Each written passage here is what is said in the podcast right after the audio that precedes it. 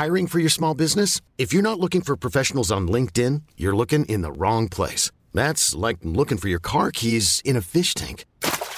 LinkedIn helps you hire professionals you can't find anywhere else, even those who aren't actively searching for a new job but might be open to the perfect role. In a given month, over 70% of LinkedIn users don't even visit other leading job sites. So start looking in the right place. With LinkedIn, you can hire professionals like a professional. Post your free job on linkedin.com slash achieve today. Millions of people have lost weight with personalized plans from Noom. Like Evan, who can't stand salads and still lost 50 pounds. Salads generally for most people are the easy button, right? For me, that wasn't an option. I never really was a salad guy. That's just not who I am. But Noom worked for me. Get your personalized plan today at Noom.com. Real Noom user compensated to provide their story. In four weeks, the typical Noom user can expect to lose one to two pounds per week. Individual results may vary. Hey there, it's Michelle Norris. I'm host of a podcast called Your Mama's Kitchen. When I travel, I'm usually looking for a way to find a taste of home when I'm not at home. And one of the things I love to do when I am at home is entertain. And Airbnb allows me to do that. When I was in California recently, I rented a house that had a great kitchen. And when we were sitting around the table, we're all thinking, we're in someone else's house. Someone could be in all of our homes as well. If you have a home, but you're not always at home, you have an Airbnb. Your home might be worth more than you think. Find out how much at airbnb.com/slash host. Helt siden de første menneskene slo seg ned i Trøndelag, har det blitt observert underlige lys over Hessdalen. Fenomenet har blitt forsøkt bortforklart som syner sett av bygdetullinger og deliriske hallusinasjoner forårsaket av den lokale drikkekulturen. Men det skulle vise seg at fenomenet stakk langt dypere, når Hessdalen-fenomenet fikk verdensomspennende oppmerksomhet i ufo-miljøet på 1980-tallet. Fenomenet er fremdeles der, og det er fremdeles like uforklarlig som den gang. I 2024 kommer en podkastserie i seks deler produsert av Project Hessdalen, som kanskje en gang for alle skal finne svar på hva som rører seg på himmelen i denne bortgjemte dalen i Trøndelag. Serien har som seg hør og bør fått tittelen A Blaze in the Northern Sky, og den kommer til din favorittpodkastavspiller i 2024.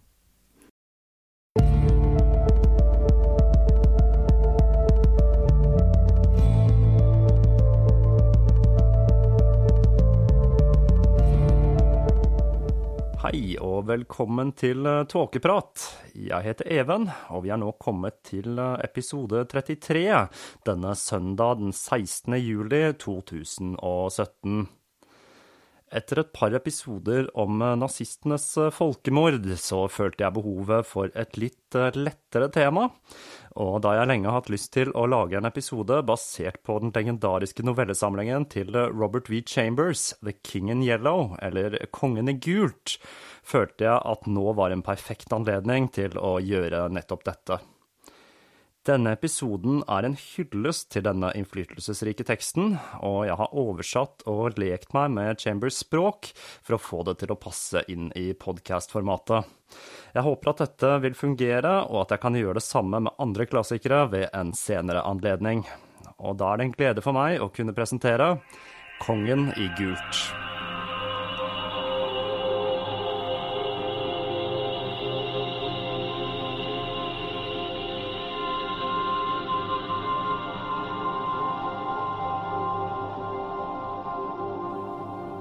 Langs bredden skyller bølger av skyer inn, mens tvillingsolene går ned bak innsjøen. Skyggene blir lange i Carcosa. Underlig er natten og mørke stjerner stiger, og merkelige måner krysser himmelhvelvingen, men enda underligere er det tapte Carcosa. Sanger som hyadene skal synge, hvor kongens kappe flagger, må dø uten å bli hørt i det vage Carcosa. Min sjel sang, min stemme er død, dø du usunget som tårer aldri grått, tørk ut og dø i det tapte Carcosa. I 1895 ble The King in Yellow, eller Kongen i gult, publisert. Dette er en novellesamling med ti Art Nouveau-historier, skrevet av Robert William Chambers, og denne boka satte sitt preg på en rekke forfattere av fantastisk litteratur, deriblant H.P. Lovecraft. Kongen i gult ble senere en del av Lovecrafts panteon av guder, og da som Hastur i August Dallets utvidelse av Lovecrafts univers. Kongen i gult fremstår som en tynn, svevende mann i flagrende gule gevanter og er en manifestasjon av Hastur, ifølge Dallet. Lovecraft selv han bare hinter til kongen i gult i fortellingene sine, med enkelte henvisninger til en gud med et gult silkeslør foran ansiktet, i blant annet The Dream Quest of Unknown Kadat. I novellene til Chambers så er det tre gjennomgangstema. Et skuespill i to akter, der den andre akten skal gjøre leseren gal ved å gi innsikt i visse unevnelige sannheter. Kongen i gult, en mystisk vag skikkelse, og det gule tegnet, et symbol som er knyttet til skuespillet og kongen.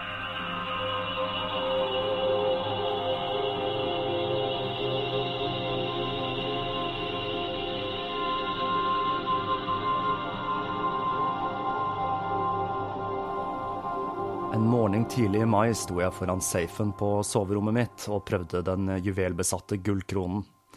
Diamantene skinte som ild når jeg så meg i speilet, og det tunge, hamrede gullet skinte som en glorie på hodet mitt. Jeg husker Camillas plagede rop og de skrekkelige ordene som ga gjenlyd i de dunkle gatene i Carcosa. Det var de siste linjene i den første akten, og jeg turte ikke tenke på hva som kom etter.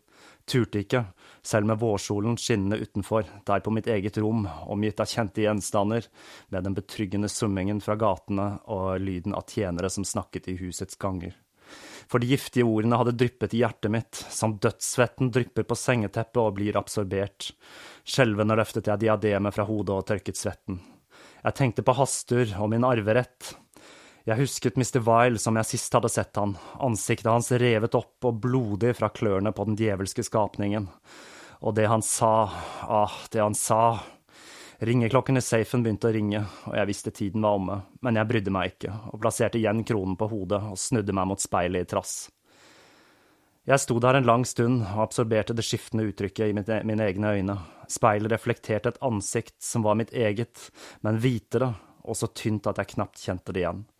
Og hele tiden så gjentok jeg ordene med sammenbitte tenner.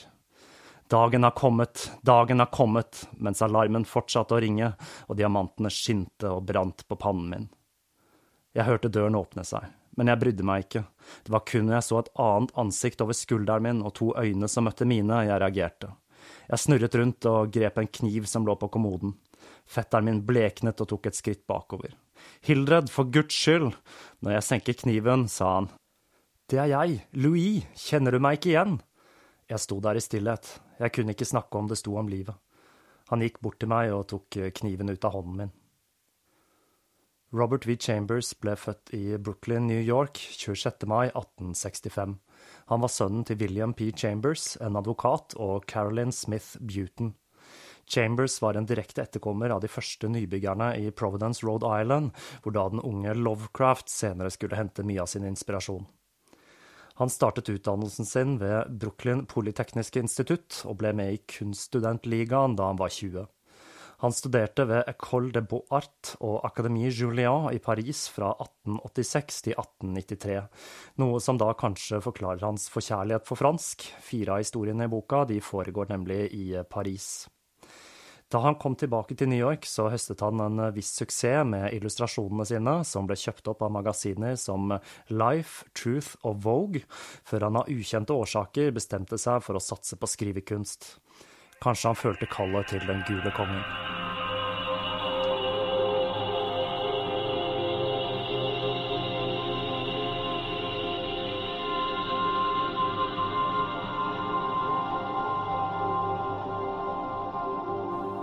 Den totale avsidesliggenheten til området begynte å påvirke meg.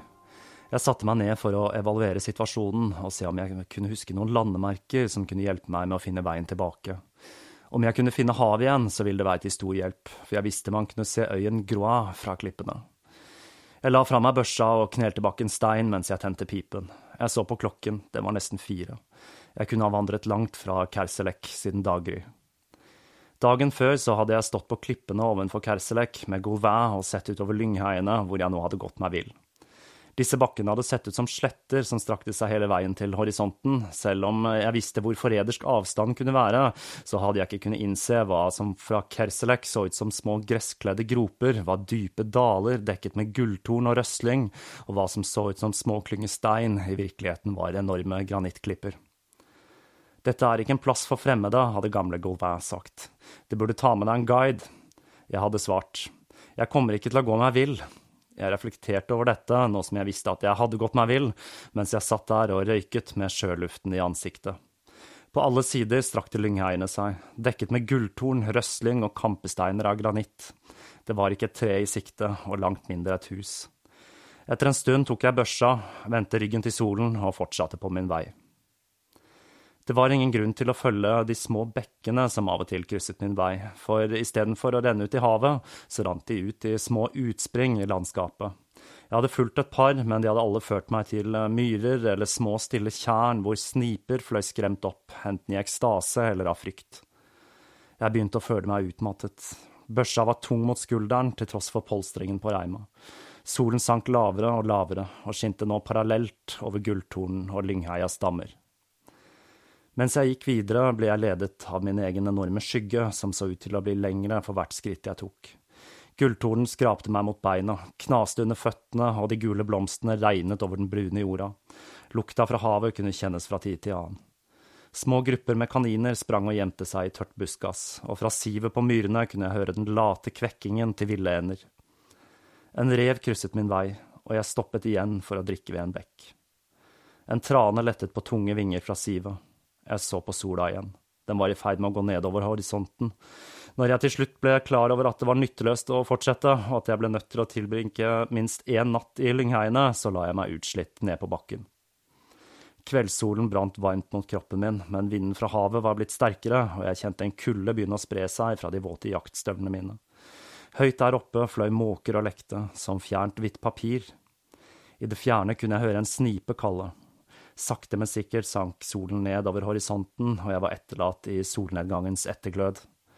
Jeg så himmelen forandre seg fra blek gull til rosa, og så flammende skyer av mygg som danset over meg. I den stille luften begynte flaggermusene å jakte, øynene mine begynte å lukke seg.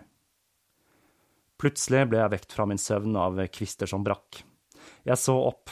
Over meg hang en stor fugl stille i luften. Jeg stirret, ute av stand til å røre meg.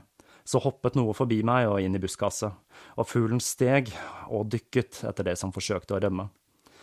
I neste øyeblikk var jeg på føttene og tittet gjennom gulltornen. Jeg hørte lyden av en dødskamp i røstlyngen like ved, så ble det stille. Jeg nærmet meg med børsa i hånd, men når jeg fant eh, plassen i røstlynget der lyden kom fra, skled børsa tilbake under armen. Jeg sto stille i stum overraskelse. På bakken lå en død hare og på haren sto en praktfull falk med en klo begravet i dyrets nakke og den andre solid plassert på kroppen. Men det som overrasket meg, var ikke en falk som satt på byttet sitt, det hadde jeg sett flere ganger, men det var det at falken var utstyrt med et slags kobbel rundt begge klørne, hvorfra det hang en liten bit metall, som en bjelle. Fuglen satte de gule øynene i meg, før den igjen rettet oppmerksomheten mot byttet med sitt buede nebb. I det neste øyeblikket hørte jeg raske føtter i gulltornen. Ei jente kom til syne. Uten å kaste et blikk på meg, så gikk hun over til falken og løftet den fra byttet med en hanskekledd hånd, før hun dekket hodet med en liten hette og plukket opp haren. Hun surret føttene til haren og bandt den i beltet før hun begynte å gå tilbake igjen den veien hun hadde kommet fra. Når hun gikk forbi meg, så løftet jeg på hatten, hun anerkjente min tilstedeværelse med et forsiktig nikk. Jeg hadde blitt så forbløffet og så fortapt av beundring over det som foregikk, at det ikke hadde gått opp for meg at dette kunne være min redning. Men eh, når hun gikk, så kom jeg på at om jeg ikke ville sove der på den forblåste Lyngheia, så måtte jeg finne igjen evnen til å snakke. Når jeg først begynte å snakke, så nølte hun, og når jeg gikk framfor henne, så syntes jeg så frykt i de vakre øynene. Men når jeg ydmykt la fram min sak, så rødmet hun og så på meg med undring. Historiene hopper fra dystopiske framtidsvisjoner til poesi til gotisk skrekk med en stilsikker eleganse og mystikk som gjennomsyrer hele verket. Historien jeg akkurat leste åpningen til, Demoiselle Dyss, er en sår så romantisk fortelling, hvor hovedpersonen blir transportert til en annen tid, og til slutt oppdager at hans eh, store kjærlighet kun var et ekko fra fortiden. Her finner vi også en link til Den gule kongen, da navnet til den kvinnelige hovedpersonen, Jeanne Dys, uttales på samme måte som Jeanne Dys, eller Gullsot. Jeg syns åpningen til denne fortellingen er spesielt fascinerende, da det er flere ting som peker på Diana eller Artemi. Da Jeanne jakter, og byttet hun er ute etter, det er harer, et dyr som er nært forbundet med hekser. Men Kongen i gult den ble da publisert 26 år før den vesteuropeiske heksekulten, noe som gjør det hele enda mer mystisk og appellerende.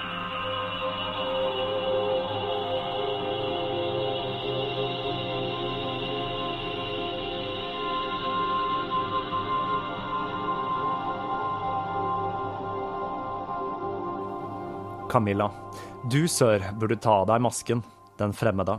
Virkelig? Casilda. Virkelig, det er på tide, vi har alle tatt av oss kostymene, bortsett fra du, den fremmede. Jeg bærer ingen maske. How would you like to look five years younger? In a clinical study, people that had volume added with Juvederm Voluma XC in the cheeks perceived themselves as looking five years younger at six months after treatment. Look younger, feel like you. Add volume for lift and contour in the cheeks with Juvederm Voluma XC. Reverse signs of aging by adding volume to smooth laugh lines with Juvederm Volure XC. For important safety information and to find a licensed specialist, visit juvederm.com. That's J U V E D E R M.com. Not for people with severe allergic reactions, allergies to lidocaine, or the proteins used in Juvederm. Common side effects include injection site redness, swelling, pain, tenderness, firmness, lumps, bumps, bruising, discoloration, or itching. There's a risk of unintentional injection into a blood vessel, which can cause vision abnormalities, blindness, stroke, temporary scabs, or scarring. Talk to a licensed specialist to find out if it's right for you. Hey there, it's Michelle Norris. I'm host of a podcast called Your Mama's Kitchen. When I travel, I'm usually looking for a way to find a taste of home when I'm not at home. And one of the things I love to do when I am at home is entertain. And Airbnb allows me to do that. When I was in California recently, I rented a house that had a great kitchen. And when we were sitting around the table, we were all thinking, we're in someone else's house. Someone could be in all of our homes as well. If you have a home, but you're not always at home, you have an Airbnb. Your home might be worth more than you think. Find out how much at airbnb.com/slash host. Camilla i frykt til Casilda. Ingen maske, ingen maske! Fra Kongen i gult, akt 1, scene 2. Jeg hadde lest alle avisene og bøkene i biblioteket, men for å ha noe å gjøre, så åpnet jeg bokskapene med albuen. Jeg kjente alle bøkene ut ifra fargen og undersøkte de alle mens jeg gikk sakte rundt i biblioteket og plystret for å holde humøret oppe. Jeg skulle til å gå tilbake inn i spisestuen da jeg fikk øye på en bok bundet i slangeskinn. Den sto helt øverst, helt ytterst på den siste bokhyllen. Jeg kunne ikke huske den, og fra gulvet så kunne jeg ikke tyde den vage skriften på ryggen, så jeg gikk til røykerommet og ropte på Tessie. Hun kom inn fra studio og klatret opp for å få tak i boken. Hva er det, spurte jeg. Kongen i gult. Jeg ble helt perpleks. Hvem hadde plassert den der? Hvordan hadde den kommet inn i mitt hus? Jeg hadde for lenge siden bestemt meg for at jeg aldri skulle åpne den boken. Ingenting på jorden kunne ha overtalt meg til å kjøpe den. Frykten for at nysgjerrigheten skulle få meg til å åpne den, har gjort at jeg ikke engang har sett på den hos bokhandleren. Hvis jeg noen gang hadde hatt et ønske om å lese den, så hadde den forferdelige tragedien om den unge Castin forhindret meg fra å utforske de ondsinnede sidene. Jeg hadde alltid nektet å høre på beskrivelser av den, og det var ingen som hadde forsøkt å diskutere den andre akten høyt, så jeg hadde absolutt ingen innsikt i historiene de sidene fortalte. Jeg stirret på den flekkete innbindingen som jeg stirret på en slange. Ikke rør den, Tessie, sa jeg. Kom ned.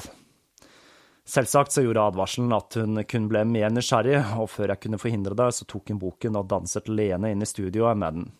Jeg ropte til henne, hun eh, slapp unna med et ertende smil mot mine hjelpeløse hender, og jeg fulgte utålmodig etter. Tessie, ropte jeg når jeg kom inn i biblioteket. Hør her, jeg er seriøs, legg fra deg boken, jeg ønsker ikke at du skal åpne den. Biblioteket var tomt. Jeg gikk inn i begge tegnerommene, så soverommet, vaskerommet og kjøkkenet før jeg til slutt gikk tilbake inn på biblioteket og begynte systematisk å lete etter henne. Hun hadde gjemt seg så godt at det tok en halvtime å finne henne knelende, hvit og stille foran vinduet på kottet i andre etasje. Jeg så med en gang at hun var blitt straffet for sin dårskap. Den gule kongen lå ved føttene hennes, og boka var åpnet på den andre akten. Jeg så på Tessie og skjønte at det var for seint. Hun hadde lest i boken.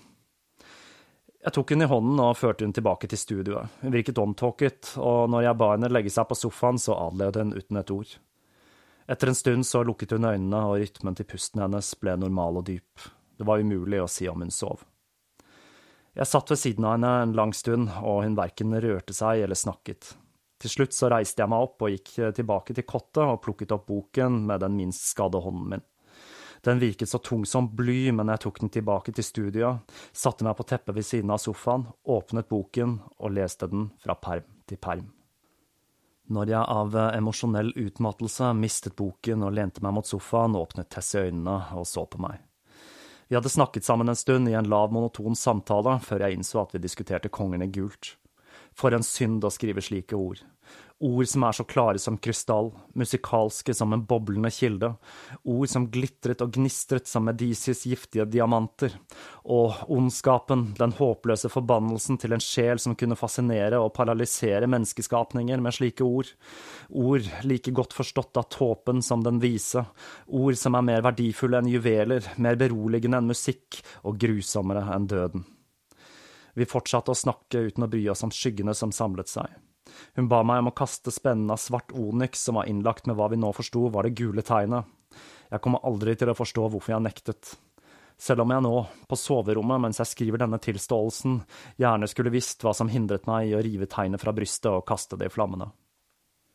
Jeg er ganske sikker på at det var dette jeg ønsket å gjøre, men til tross for dette så tryglet Tessie meg uten hell. Natten kom og timene dro ut, men fremdeles snakket vi lavmælt til hverandre om kongen og den bleke masken. Kirkeklokkene slo midnatt fra et tårn i en by dekket av tåke. Vi snakket om Hastur og Casilda mens tåken utenfor rullet mot vinduene som bølger av skyer skyller mot land på innsjøen Hali. Legenden og sci-fi-autoriteten Everett Franklin Bleiler omtalte Kongen i gult som et av de viktigste verkene i amerikansk fantastisk litteratur. Chambers skrev flere noveller i samme sjanger i novellesamlinger etter Kongen i gult, men ingen av disse hadde den samme suksessen. Og han gikk etter hvert over til å skrive romantisk litteratur, og han ble en av de mestselgende forfatterne i samtiden. Under første verdenskrig så begynte han å skrive eventyr og krigshistorier. Noen av disse hadde elementer av fantastisk litteratur, men i 1924 så dedikerte han all sin tid til å skrive historisk fiksjon, annet fra Broad Albin, New York, hvor han hadde sommerstedet sitt. Vi kan takke HB Lovecraft for at Chambers tidligere verker forble på trykk gjennom hele det 20. århundre, da han hadde tatt disse med i Supernatural Horror in Literature, som jeg da har dekket i serien om HB Lovecraft.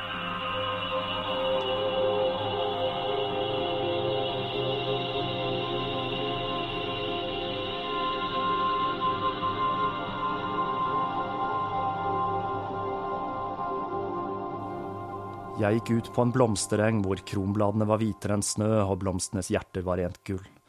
Et stykke unna kunne jeg høre en kvinne rope, Jeg har drept han jeg elsker, og fra en krukke helte hun blod på blomstene med kronblader hvitere enn snø og hvis hjerter var rent gull. Jeg fulgte etter henne, og på krukken kunne jeg lese tusen navn. På innsiden boblet friskt blod opp til kanten. Jeg har drept han jeg elsker, ropte hun. Verden er tørst, la oss drikke. Hun fortsatte på sin ferd, og jeg så på henne mens hun helte blod på blomstene som hadde kronblader hvitere enn snø og hjerter av rent gull. Masken av selvbedrageri var ikke lenger en maske for meg, den var en del av meg. Natten løftet den og åpenbarte den fortrengte sannheten under, men det var ingen der til å se, bortsett fra meg selv og når daggry kom, så falt masken tilbake på plass av seg selv. Jeg hadde disse tankene mens jeg lå der syk, men de var håpløst sammenvevd med visjoner av hvite skapninger, tunge som stein kravlende i Boris Ravine, ulvehodet på teppet, frådende og glefsende etter Genevieve, som lå smilende ved siden av. Jeg tenkte også på kongen i gult, drapert i de fantastiske fargene til den stykkerevne kappen hans, og det bitre skriket til Casilda.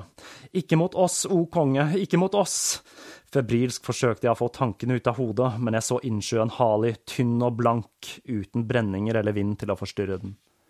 Jeg så tårnene til Karkosa bak månen, Aldebaran, hyadene, Alar og Hastur gled mellom skyene som bykset og snodde seg som den flagrende kappen til kongen i gult når de passerte Blant alt dette hadde jeg en klar tanke som aldri forlot meg uansett hva som foregikk i mitt forstyrrede sinn, og det var at den eneste grunnen til min eksistens var å fullføre noe som var meg pålagt av Boris og Genevieve. Hva denne plikten var, dets natur, var aldri helt klar. Noen ganger virket det som om det dreide seg om beskyttelse, noen ganger støtte i en stor krise. Hva enn det så ut til å være, så hvilte ansvaret ene og alene på meg, og jeg var aldri så syk eller så svak at jeg ikke la hele min sjel i dette. Det var alltid en rekke ansikter over meg, de fleste ukjente, men jeg gjenkjente noen. Boris var et av disse.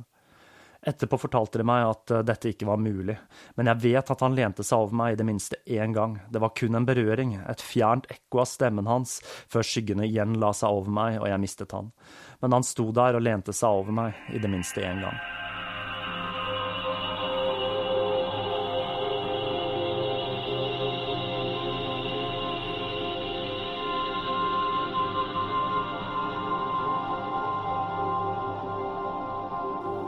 Reis deg, Vance, sa Mr. Wilde med mild stemme. Vance reiste seg som om han var hypnotisert. Han vil gjøre det du sier nå, observerte Mr. Wilde og åpnet manuskriptet. Han leste hele historien til det imperiske amerikanske dynastiet, og så, i en snill, beroligende tone, så gikk han over hovedpunktene med Vance, som hørte på som forstenet.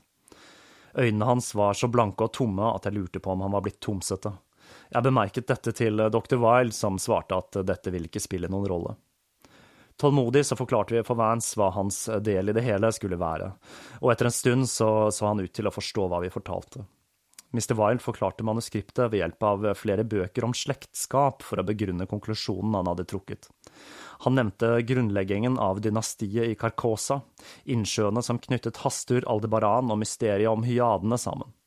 Han fortalte om Casilda og Camilla, og de tåkete dypene til Deme og innsjøen Hali. De rufsete fillene til kongen i gult må skjule Ytil for all tid, utbrøt han, men jeg tror ikke Vance hørte han.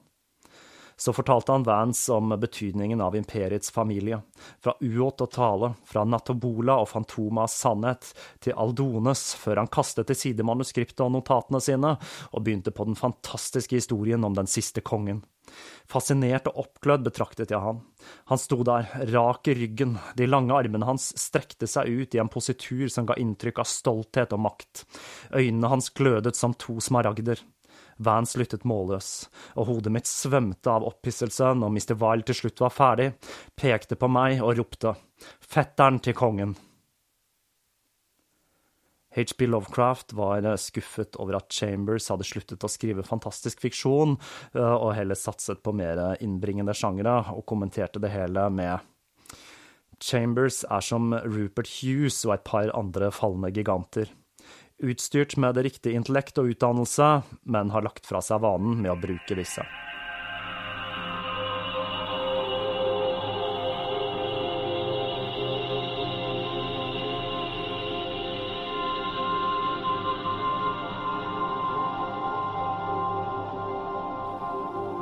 Jenta satt og så på han uten et ord.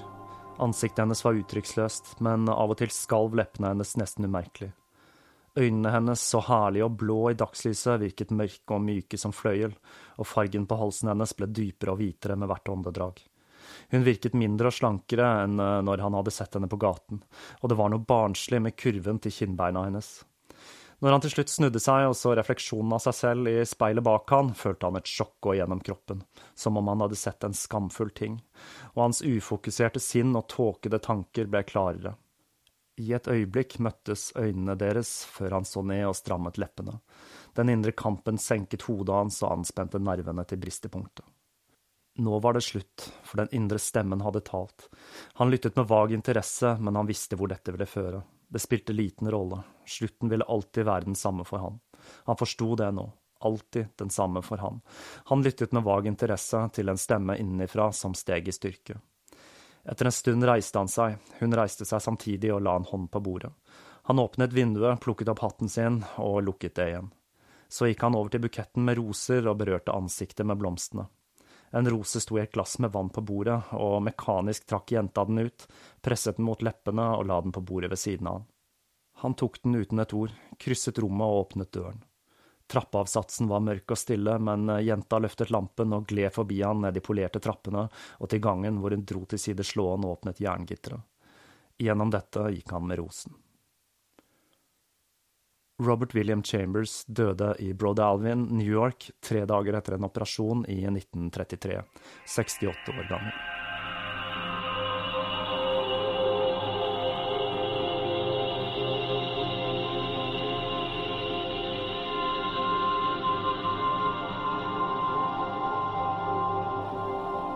Og det var historien om eh, Robert V. Chambers' legendariske bok 'Kongen i gult'. Lite visste Chambers at eh, til tross for all suksessen han hadde hatt med sine andre bøker, så var det dette tidlige verket som skulle sikre han en plass i litteraturhistorien for eh, all ettertid.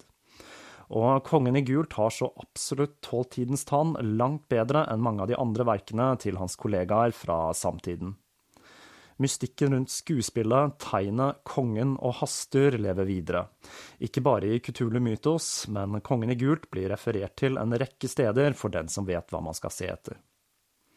Med denne boka så skapte Chambers en moderne myte, og kongen i sine flagrende gevanter og det mystiske Carcosa har formet et bilde i den kollektive psyken av noe underlig og ukjent som alltid er der, like utenfor rekkevidde.